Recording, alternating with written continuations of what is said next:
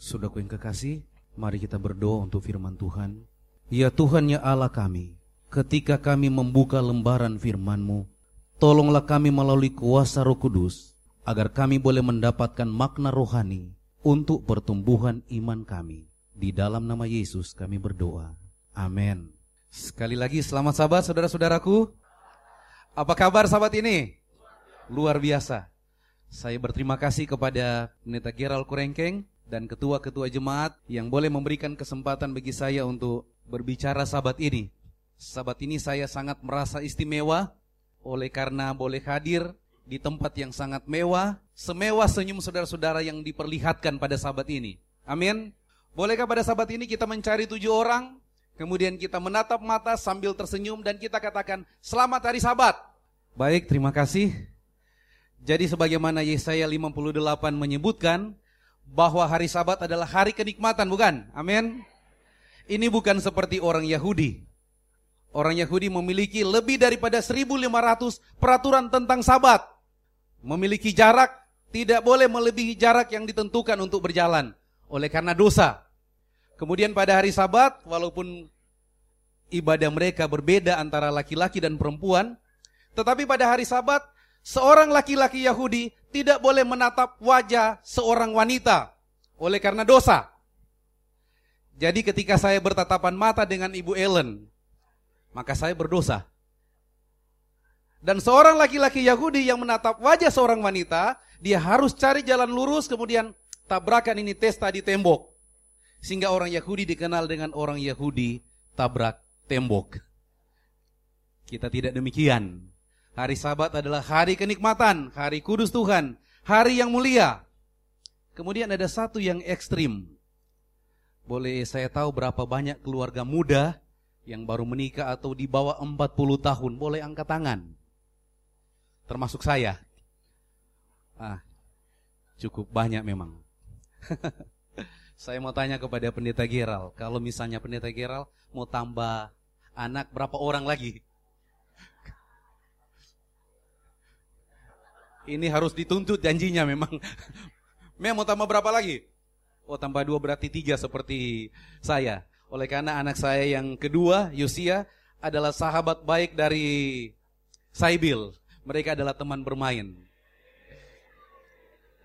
Saudaraku yang kekasih, kalau misalnya saudara-saudara berencana untuk menambah keturunan, bagi orang Yahudi, seorang ibu tidak boleh melahirkan hari sabat.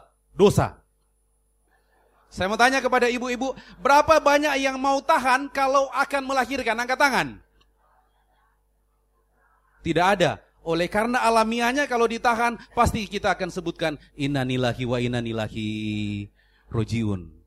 Dosa. Tapi bersyukur oleh karena kita menikmati hari sabat Tuhan, hari yang kudus dan hari yang mulia.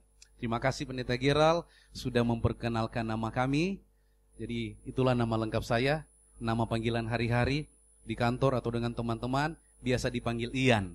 Tapi nama sekolah saya adalah pendeta Sony Syafirudin. Di antara teman-teman pendeta, pendeta Geral adalah sahabat kami yang paling tepat menyebutkan nama saya. Syafirudin. Banyak kali mereka salah menyebutkan.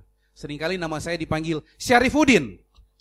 Padahal Syarifudin adalah nama paspor palsu yang digunakan oleh Nasarudin ketika beliau ditangkap di Kartagena. Jadi itu nama lengkap saya. Saya hanya memiliki seorang istri dan saya sangat berbahagia walaupun kulit saya agak hitam, tapi saya mendapatkan seorang istri yang boleh dikatakan putih Nancy Kang. Bagaimana saudara Arthur? Jadi yang sedikit putih sehingga ketiga anak saya lahir, mereka tidak hitam, tidak putih, tapi hitam manis. Jadi memang manis sekali. Kalaupun misalnya ada cowok-cowok yang belum ada pasangan, kalaupun ada yang belum dapat pasangan, yang cowok-cowok, anak yang tertua saya adalah seorang wanita yang cantik, kemudian tinggi, sudah melewati ibunya. Kalau belum ada boleh pasiar-pasiar di Eris. Tapi saudaraku yang kekasih harus tunggu beberapa tahun lagi oleh karena saat ini anak saya baru kelas 1 SMP.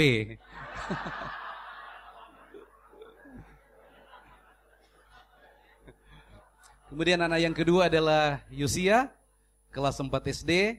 Dan anak yang terakhir, bulan Mei ini akan genap usia 5 bulan. Jadi saya memang masih sangat merindukan untuk memeluk anak saya. Bukan cuma anak saya, tapi termasuk ibunya kan. Karena sudah satu setengah bulan kami berada di sini. Tapi kami sangat berterima kasih. Pendeta Geral, anggota-anggota jemaat, begitu memberikan perhatian kepada kami eh, pendeta-pendeta yang ada dari Minasa, minta maaf, dari Uni Timur. Sehingga di kamar kami, kamar 205 di LMS adalah kamar yang paling sangat istimewa. Oleh karena setiap siang kami mendapatkan kiriman makanan dari jemaat Tumuto. Terima kasih saudaraku yang kekasih. Amin. Dan mari kita merenungkan firman Tuhan pada siang sabat ini yang saya berikan judul menjadi orang rohani. Apa cita-cita saudara di atas dunia ini? Kalau kita tanya kepada anak-anak kita, kalau kita kira kalau Saibil waktu lalu ditanya, besar cita-citanya mau jadi apa? Dokter. Uh, ini boleh saya tahu yang bawa anak. Iya. Andika. Boleh ibunya tolong tanya, Andika besar nanti mau jadi apa?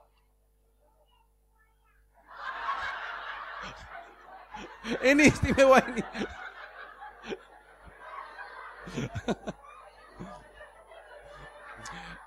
Ibu Moren, ada tuh adik dua di dekat atau ada di belakang? Oh, ada di belakang. Oh, di sebelah dari saudara ketua. Boleh tolong tanya tuh adik penama siapa?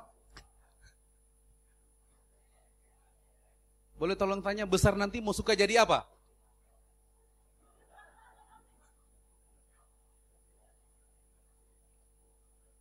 Oh jadi dokter. Anak saya yang tua kalau saya tanya, Sharon kalau besar mau suka jadi apa? Dia akan jawab, Dedi mau jadi dokter. Anak yang kedua Yosia kalau saya tanya, Yosia kalau sebesar mau suka jadi apa? Mau jadi pendeta Dedi. Wah senang sekali. Dia jawab jadi pendeta. Kalau anak saya masih kecil ketika saya tanya dia tidak akan tersenyum. Karena masih bayi bukan. Satu ketika saya buat acara, anak-anak yang hadir, orang muda, semua anak-anak ditanya, besar mau jadi apa? Ada yang berteriak, mau jadi presiden, mau jadi ketua jemaat, mau jadi dokter, menjadi guru. Kemudian ada seorang anak kecil. Saya sebut namanya adalah Utu. Utu kalau sebesar mau suka jadi apa? Pak pendeta mau jadi teroris. Sudahku yang kasih tidak ada di antara kita yang bercita-cita yang tidak baik. Sahabat ini mari kita memiliki cita-cita yang utama. Menjadi orang yang rohani. Karena menjadi rohani bukan nanti ketika kita berada di dalam kerajaan sorga, tapi dimulai hari ini menjadi orang yang rohani. Mari kita lihat pengalaman daripada Salomo yang saya ambil di dalam dua Tawarik pasal 7 ayat yang ke-11 sampai dengan ayat yang ke-14. Saya bacakan ayatnya. Demikianlah Salomo menyelesaikan rumah Tuhan dan istana raja dan berhasil melaksanakan dalam rumah Tuhan dan dalam istananya segala sesuatu yang timbul dalam hatinya. Saudaraku yang kekasih, berapa di antara kita sahabat ini yang rindu agar keinginan hati kita itu boleh dicapai? Tolong angkat tangan. Semua pasti ingin mendapatkan keinginan hati. Kalau boleh kita mendapatkan pekerjaan yang baik, mendapatkan gaji yang tinggi, boleh membangun rumah, kemudian mengisi rumah kita dengan segala perabot yang mewah. Dan ini yang sudah dibuat oleh Salomo. Bahkan sebelum dia mengisi rumahnya dengan segala kemewahan, yang dibuat oleh Salomo adalah dia berhasil membangun Ka'bah yang mewah dan besar. Seperti di jemaat Tumutu. Saya rasa ini gereja yang sangat luar biasa. Apakah saudara percaya gereja ini lebih tinggi daripada gereja yang dibuat oleh Salomo? Ya saya yakin demikian kan. Ini lebih tinggi daripada Ka'bah yang dibuat oleh Salomo, oleh karena kita berada di atas kemudian boleh melihat ke bawah. Tapi gereja Salomo tidak setinggi ini, tapi eh, Ka'bahnya sangat mahal. Sehingga pada satu ketika, menurut buku orang Yahudi, namanya adalah Targum, ketika Ratu Seba ingin berkunjung kepada Salomo, oleh karena dia mendengar kehebatan Salomo membangun Ka'bah, kemudian dia berkunjung ke istana Salomo. Dari jauh, Ratu Seba boleh melihat, luar biasa ini Ka'bah Salomo. Oleh karena di depannya seperti ada danau. Kemudian dia datang. Ketika dia tiba di dekat istana Salomo, maka Ratu Seba dia mengangkat pakaiannya. Kemudian Salomo dapat melihat, ah ternyata Ratu Seba rupa-rupanya badannya berbulu. Kemudian Salomo katakan kepada Ratu Seba, Ratu, mohon maaf, ini bukan air, tapi kaca. Betapa luar biasanya Salomo membangun Ka'bah. Jadi Salomo membangun Ka'bah, dia membangun rumahnya dengan begitu mewah, berarti dalam tanda kutip Salomo diberkati oleh Tuhan. Amin. Sahabat ini saudaraku yang kekasih, jemaat Tumoto memberikan persepuluhan kepada Tuhan. Pendeta Gerald tadi sudah mendoakan. Ketika kita mengembalikan milik Tuhan, kita mengakui bahwa Tuhan adalah sumber berkat dan pencipta kita. Amin. Saudara diberkati oleh Tuhan sama seperti Salomo. Tetapi di sisi lain, ayat yang ke-13 menyebutkan, Bila mana aku menurut, bila mana aku menutup langit, sehingga tidak ada hujan, dan bila mana aku menyuruh belalang memakan habis hasil bumi, dan bila mana aku melepaskan penyakit sampar di antara umatku. Saudaraku yang kekasih, patuari waya, po-po waya. Ketika kita diberkati, jangan lupa kita harus menjadi orang yang rohani. Oleh karena ada orang yang diberkati, dia mulai lupa siapa? Dia mulai lupa Tuhan. Tergiur dengan kekayaannya, dengan harta yang dia miliki, dia lupa Tuhan. Ini pengalaman yang pernah dialami oleh orang-orang Israel. Ketika Tuhan panggil mereka keluar dari tanah Mesir, dan Tuhan katakan, apabila engkau sudah mendirikan rumahmu, membangunnya, mengisinya dengan setiap rabot, Tuhan ingatkan kepada orang Israel di dalam ulangan pasal 8. Saudara-saudara, boleh buka itu di dalam ulangan pasal 8. Kalau mereka sudah diberkati oleh Tuhan, maka Tuhan janjikan dan Tuhan katakan kepada orang Israel, kalau mereka diberkati, ayat yang ke-11 menyebutkan, hati-hati supaya engkau jangan melupakan Tuhan alamu. Saudaraku yang kekasih, kalau kita diberkati, jangan kita lupakan Tuhan. Ayat yang ke-14, kalau kita diberkati, jangan kita menjadi tinggi hati. Amin. Tapi akan ada waktunya jawaban doa yang diberikan oleh Tuhan kepada Salomo ayat yang ke-13 bahwa suatu saat nanti dia pun akan mengalami masalah. Hasil panennya akan gagal. Sudah yang kekasih, di gereja ini hasil panen kita barangkali tidak gagal, bukan? Oleh karena tidak ada di antara kita yang bekerja sebagai petani. Hasil ternak ikan kita tidak akan gagal.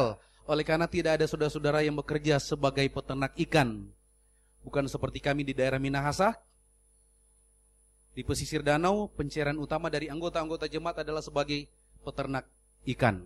Kemudian di bagian pantai, di tanah Minasa, ada juga para nelayan yang bekerja untuk menangkap ikan. Sementara di bagian atas, termasuk daerah kami dan penita Geral, itu adalah penghasil cengki.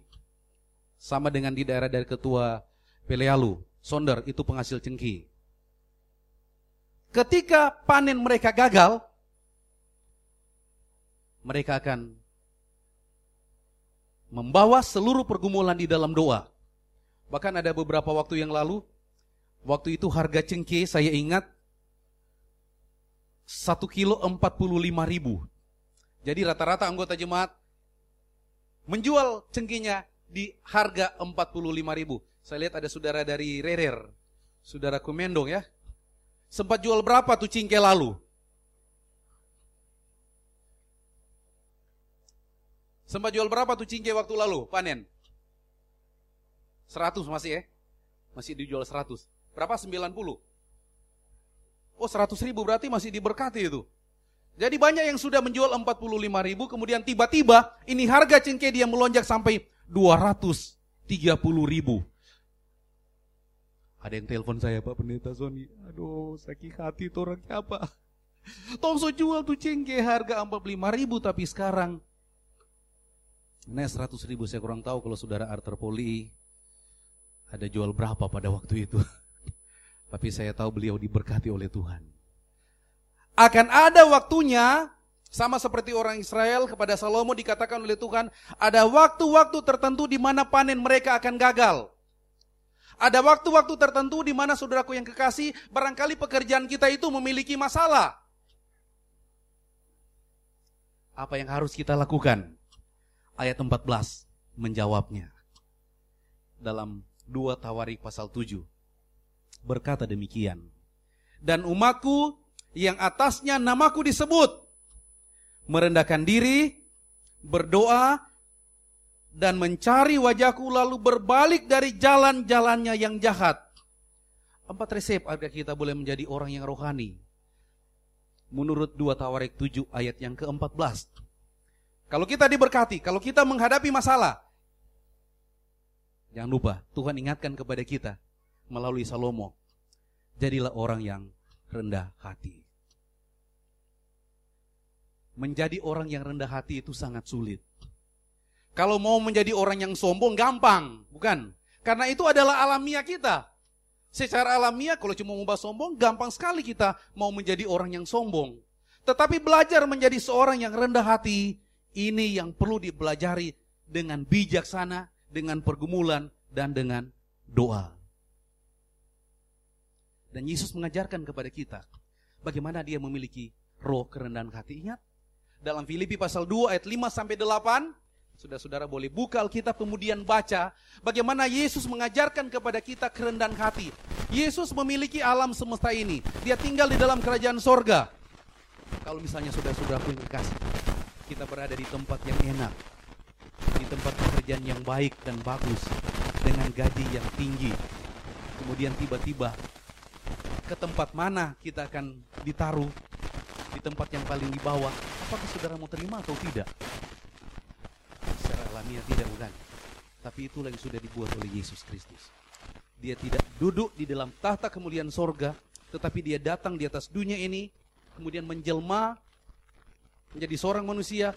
Kandungannya saja hanya dipinjam kepada Maria melalui kuasa Roh Kudus. Bahkan ketika Maria akan melahirkan, Yusuf dan Maria tidak punya tempat tinggal. Mereka harus mencari tempat dari tempat yang satu ke rumah yang lain. Jawaban dari setiap orang berkata, maaf Bapak dan Ibu, kami tidak punya tempat bagi Bapak dan Ibu. Tempat kami hanya khusus untuk seorang raja. Padahal orang-orang pada waktu itu tidak tahu. Yang akan dilahirkan oleh Maria adalah Yesus Kristus. Pendek ceritanya. Maria pada akhirnya melahirkan. Apakah kelahiran Maria sudah dipersiapkan tempat bagus, sudah ada mainan bayi, tempat tidur bayi tidak ada. Ternyata Maria melahirkan di tempat yang sangat hina, itulah kandang binatang. Tempat yang dingin, tempat yang kotor, dan tempat yang gelap. Tapi di sana Yesus ingin mengajarkan kepada kita agar memiliki roh rendah hati. Tidak cukup dia dilahirkan di tempat yang gelap dan dingin. Bahkan ketika Yesus semakin bertambah besar, semakin bertambah hikmatnya. Kemudian dia harus mati untuk kita, maka kuburannya pun hanya dipinjam. Amin. Yesus mengajarkan kepada kita agar kita perlu memiliki roh kerendahan hati. Saya dapat SMS dari anak saya dua minggu yang lalu. SMS, SMS ini barangkali juga saudara-saudara dapatkan. Dia katakan, Dedi kita punya kata-kata bagus. Apa Eon? Dedi baca ini SMS jangan sombong dengan rumah yang kita miliki. Oleh karena rumah kita yang terakhir adalah kuburan. Logika bukan? Apakah saudara mau sombong dengan apa yang saudara miliki? Jangan sombong.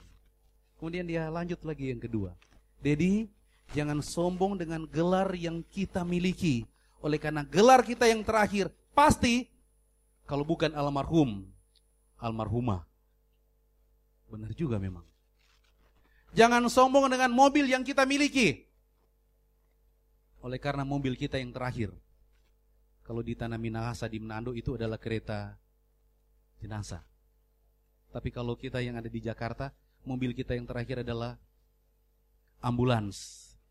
Itu pun kalau misalnya kita sakit kemudian mati di rumah sakit. Saya pesan kepada istri saya, kalaupun misalnya saya sakit, biarlah saya sakit dan mati di rumah. Boleh disaksikan oleh keluarga. Tidak usah bawa di rumah sakit. supaya mati dengan tenang. Saudara-saudara yang kekasih, agar kita menjadi orang yang rohani, mari kita memiliki roh kerendahan hati.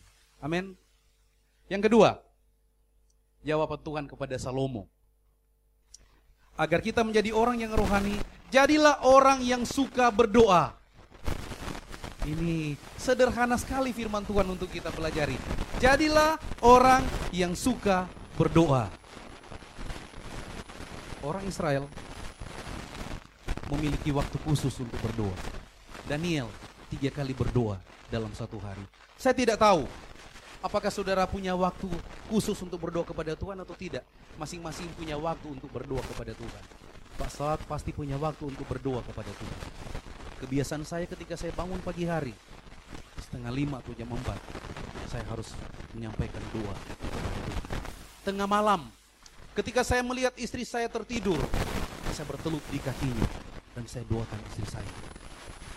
Oleh karena saudaraku yang kekasih, saat ini umat-umat Tuhan diperhadapkan kepada ujian-ujian yang sangat besar. Dan ujian ini harus kita menangkan. Di antaranya, kalau saudara-saudara diuji dalam soal sabat, apakah saudara akan bertahan atau tidak? Ketika ditawarkan dengan gaji yang besar, apakah, apakah akan melewatkan prinsip sabat atau tidak? Saudara butuh kuasa doa untuk boleh memenangkannya. Ketika kita mendapatkan penghasilan, itu pun butuh kuasa doa. Apakah kita akan memberikan persepuluhan kepada Tuhan atau tidak? Ketika kita memiliki barangkali gaji 100 juta, kemudian kita akan memberikan persepuluhan, kita katakan, Tuhan, mungkin sudah terlalu besar apa yang akan saya berikan. 100 juta, 10 juta buat Tuhan tidak masuk akal. Saudara butuh doa untuk boleh memberikannya. Amin. Kemudian ujian yang paling terbesar.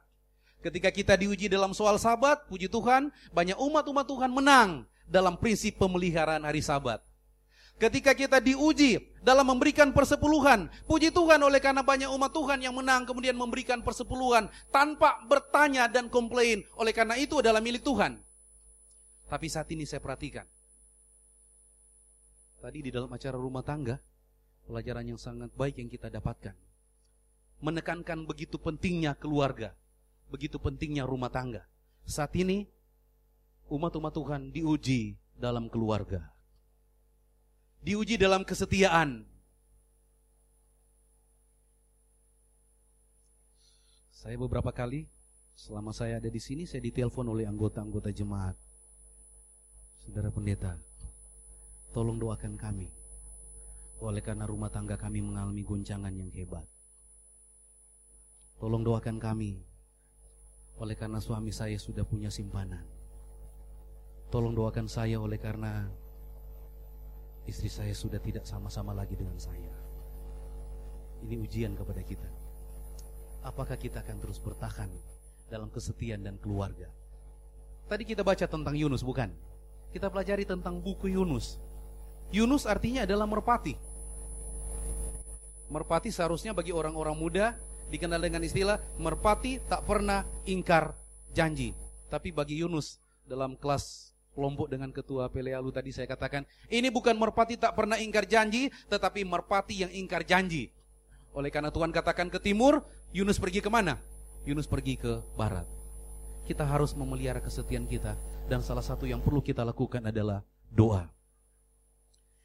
Nyonya Wade berkata, di dalam buku Kebahagiaan Sejati halaman 104, kutipannya demikian, Doa adalah membuka hati kepada Allah seperti kepada seorang sahabat. Berapa kali dalam hidup saudara, dalam doa saudara, kita menyampaikan semua keinginan kita kepada Tuhan di dalam doa. Tahun yang lalu kami ke Manila, bulan September, bulan Juli sampai dengan bulan September.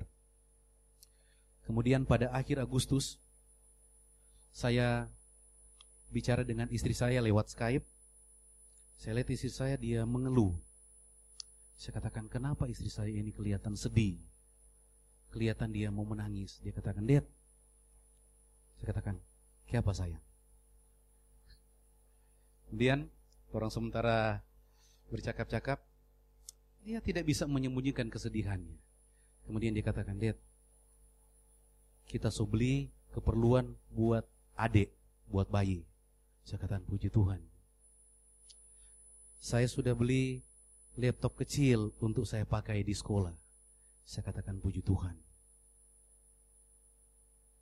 Tapi kenapa dia menangis? Kemudian dia katakan, tapi dia ada satu yang kurang. Saya tanya, kenapa? Karena ban mobil kami rupa-rupanya pecah. Saya katakan, eh mudah saja kalau pecah ban, bawa di bengkel, ganti DP ban, bola dalam, aman, jalan ulang. Bukan itu masalahnya. Ada yang pinjam oto, karena dibawa di tempat yang agak rusak. Ya kebetulan mobil saya pendeta Gerald tahu, adalah mobil penata layanan pendeta Gerald, bukan. Mobil panter tua yang besar, jadi kalau ke mana-mana, mobil itu yang dibawa.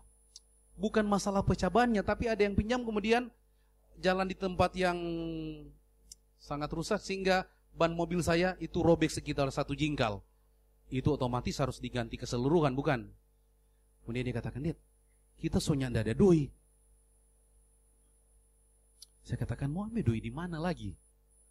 Untuk biaya hidup saya sudah bawa, saya katakan ini cukup bagi saya untuk satu bulan setengah. Kalau kita kasih doi Pak Angko lagi, sudah kita mau makan apa lagi di Manila? Tidak ada makanan. Akhirnya dia terus rasa sedih. Saya menangis dan saya katakan kepadanya, Mam, tidak ada cara lain selain kita berdoa. Mari kita sampaikan keinginan hati kita di dalam doa kepada Tuhan. Dan benar, saya berdoa, dia pun berdoa. Setelah saya berdoa kami menangis.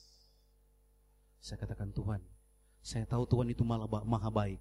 Tuhan sumber berkat. Saya tahu Tuhan akan menyediakan kebutuhan kami. Benar, Dua hari berlalu, saudaraku yang kekasih, yang saya butuhkan untuk membeli, yang istri saya butuhkan adalah sekitar satu juta delapan ratus untuk mengganti dua ban saya, dua ban mobil. Dua hari kemudian, saya dapat SMS dari seseorang. Pak Pendeta, Shalom, apa kabar? Bagaimana kabar di Manila? Kemudian ditulis di bawah Kementerian Agama Tondano. Wah, ada kabar dari Kementerian Agama? Kemudian saya cuma SMS oleh karena biaya telepon dari Manila ke Manado cukup mahal. Oke Ibu, apa kabar ini? Pak Pendeta kami mengirimkan uang 2 juta rupiah oleh karena masih ingat bulan April tahun yang lalu ketika kita mengadakan rapat untuk pendeta-pendeta Seminahasa, Pak Pendeta Sony masuk di wakil ketua mewakili gereja Advent di badan ker forum kerjasama antar gereja di Kabupaten Minahasa dan kami sudah mengirimkan uang 2 juta rupiah untuk uh, intensif tahun ini, saya katakan Tuhan, terima kasih. Terima kasih Tuhan. Saya butuhkan satu juta delapan ratus, dia berikan dua juta, kemudian dikeluarkan persepuluhan dua ratus ribu kebutuhan istri saya untuk mengganti ban mobil saya dicapai. Amin. Tuhan kita luar biasa. Kalau saudara membutuhkan sesuatu, nyatakan keinginan saudara di dalam doa, sama seperti kita membuka hati kita kepada sahabat kita. Nyonya White katakan, buka hati kita kepada Tuhan, maka saya yakin dan percaya Tuhan akan memberikan apa yang kita inginkan. Amin. Puji Tuhan. Kemudian yang ketiga, agar kita menjadi orang yang rohani. Bagian yang ketiga dari dua Tawarik pasal 7 ayat yang ke-14, mari kita cari wajah Tuhan. Pertanyaan saya, di mana kita akan mendapatkan wajah Tuhan? Orang-orang muda, di manakah saudara-saudara akan mendapatkan wajah Tuhan? Kalau saya tanya berapa, tolong angkat tangan semua orang-orang muda. Tolong angkat tangan.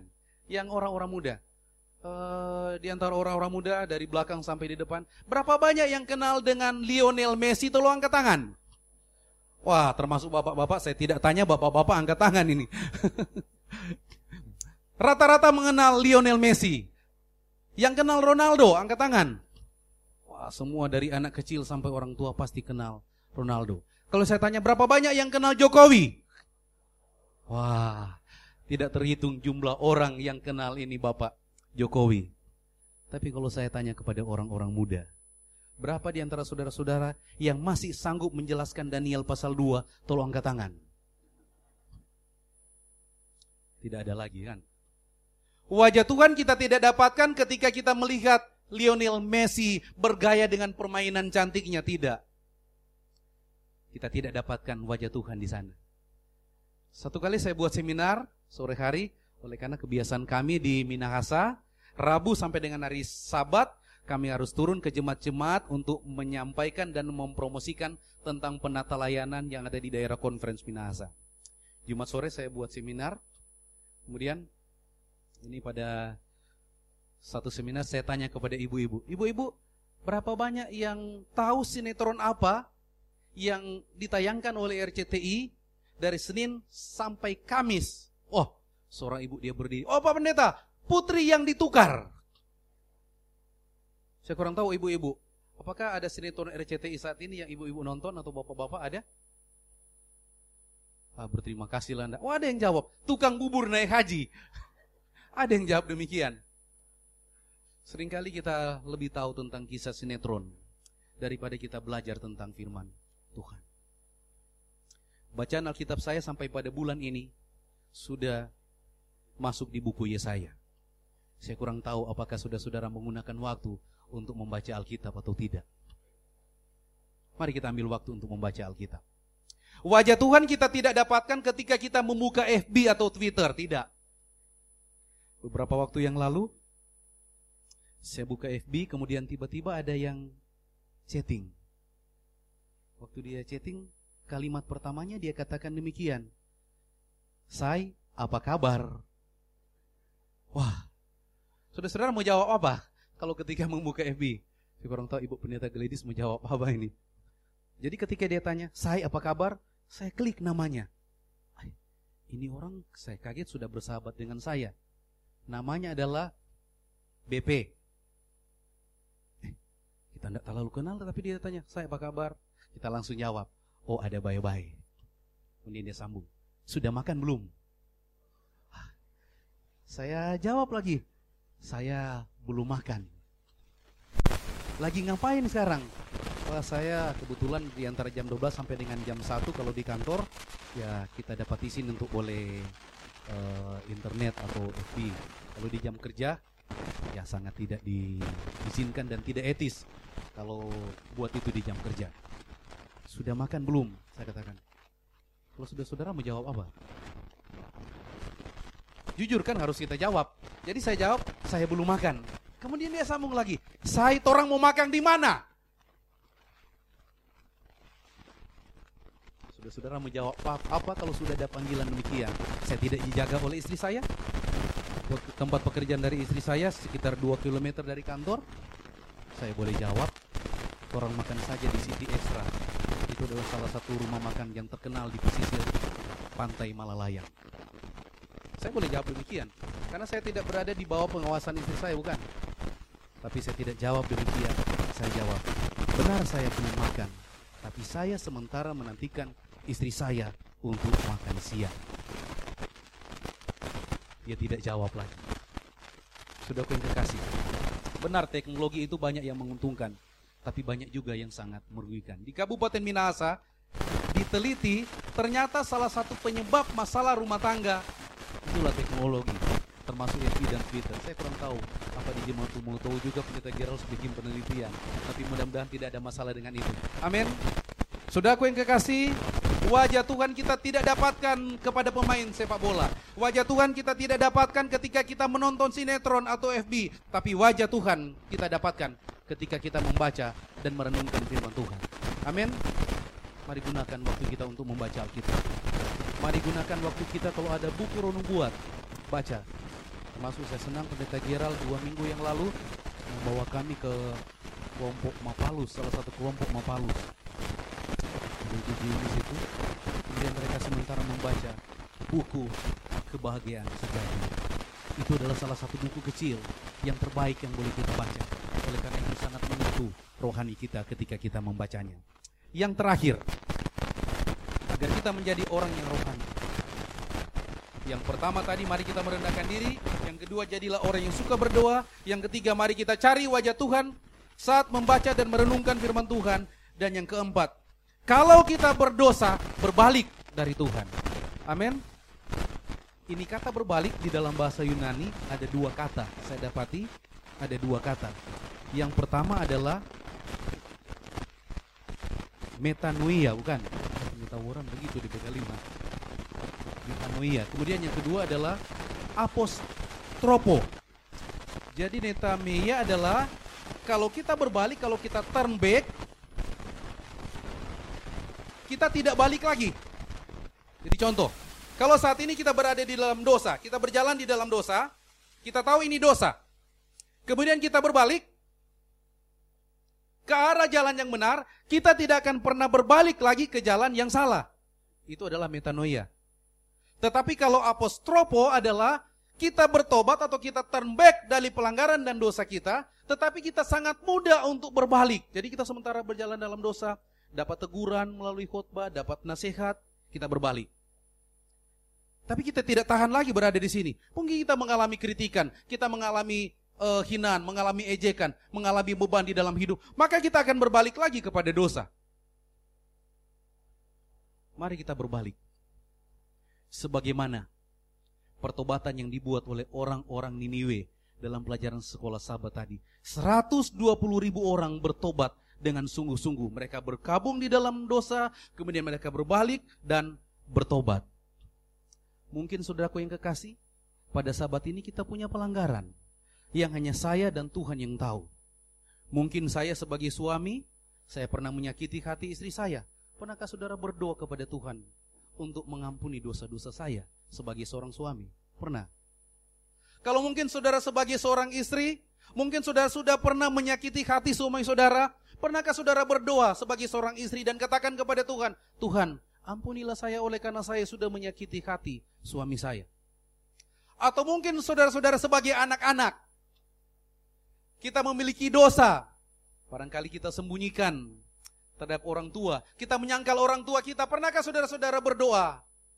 dan katakan kepada Tuhan, Tuhan saya sebagai seorang anak, saya sudah menyakiti hati orang tua saya. Pernahkah saudara berdoa sebagai seorang anak? Atau kita sebagai orang tua, mungkin kita menyakiti hati anak-anak kita. Pernahkah saudara menyampaikan doa kepada Tuhan dan katakan kepada Tuhan, Tuhan ampunilah saya sebagai orang tua, oleh karena saya sudah menyakiti hati anak-anak saya. Atau mungkin kami sebagai hamba-hamba Tuhan, kami menyakiti hati saudara-saudara dengan kata-kata kami, atau sikap kami sebagai hamba Tuhan. Kami akan berdoa kepada Tuhan, Tuhan, ampuni kami sebagai hamba-hamba Tuhan, oleh karena kami sering kali menyakiti hati anggota jemaat. Atau mungkin saudara-saudara sebagai anggota-anggota jemaat, berapa kali saudara berdoa kepada Tuhan, Mungkin kita sudah menyakiti hati hamba-hamba Tuhan atau hati ketua-ketua jemaat dan pimpinan-pimpinan jemaat. Berapa kali kita berdoa kepada Tuhan dan katakan kepada Tuhan, Tuhan ampunilah saya karena saya sudah menyakiti hati hamba-hamba Tuhan. Sahabat ini kita diingatkan agar kita menjadi orang yang rohani. Salah satunya adalah mari kita berbalik dari perbuatan-perbuatan kita yang jahat. Oleh karena Tuhan katakan, Alkitab katakan, dalam 1 Yohanes 1 ayat 9. Apabila kita mengaku dosa kita, maka Allah adalah setia dan adil untuk mengampuni setiap pelanggaran kita. Amin. Puji Tuhan. Sabat ini kita boleh mendapatkan nasihat rohani. Agar kita menjadi orang-orang yang rohani. Marilah kita memiliki roh kerendahan hati. Agar kita menjadi orang yang rohani, mari kita menjadi orang-orang yang suka berdoa. Agar kita menjadi orang yang rohani, marilah kita menjadi orang yang suka mencari wajah Tuhan lewat membaca firman-Nya. Agar kita menjadi orang yang rohani, mari kita berbalik dari jalan-jalan yang jahat. Saya bawa dalam nama Yesus. Amin.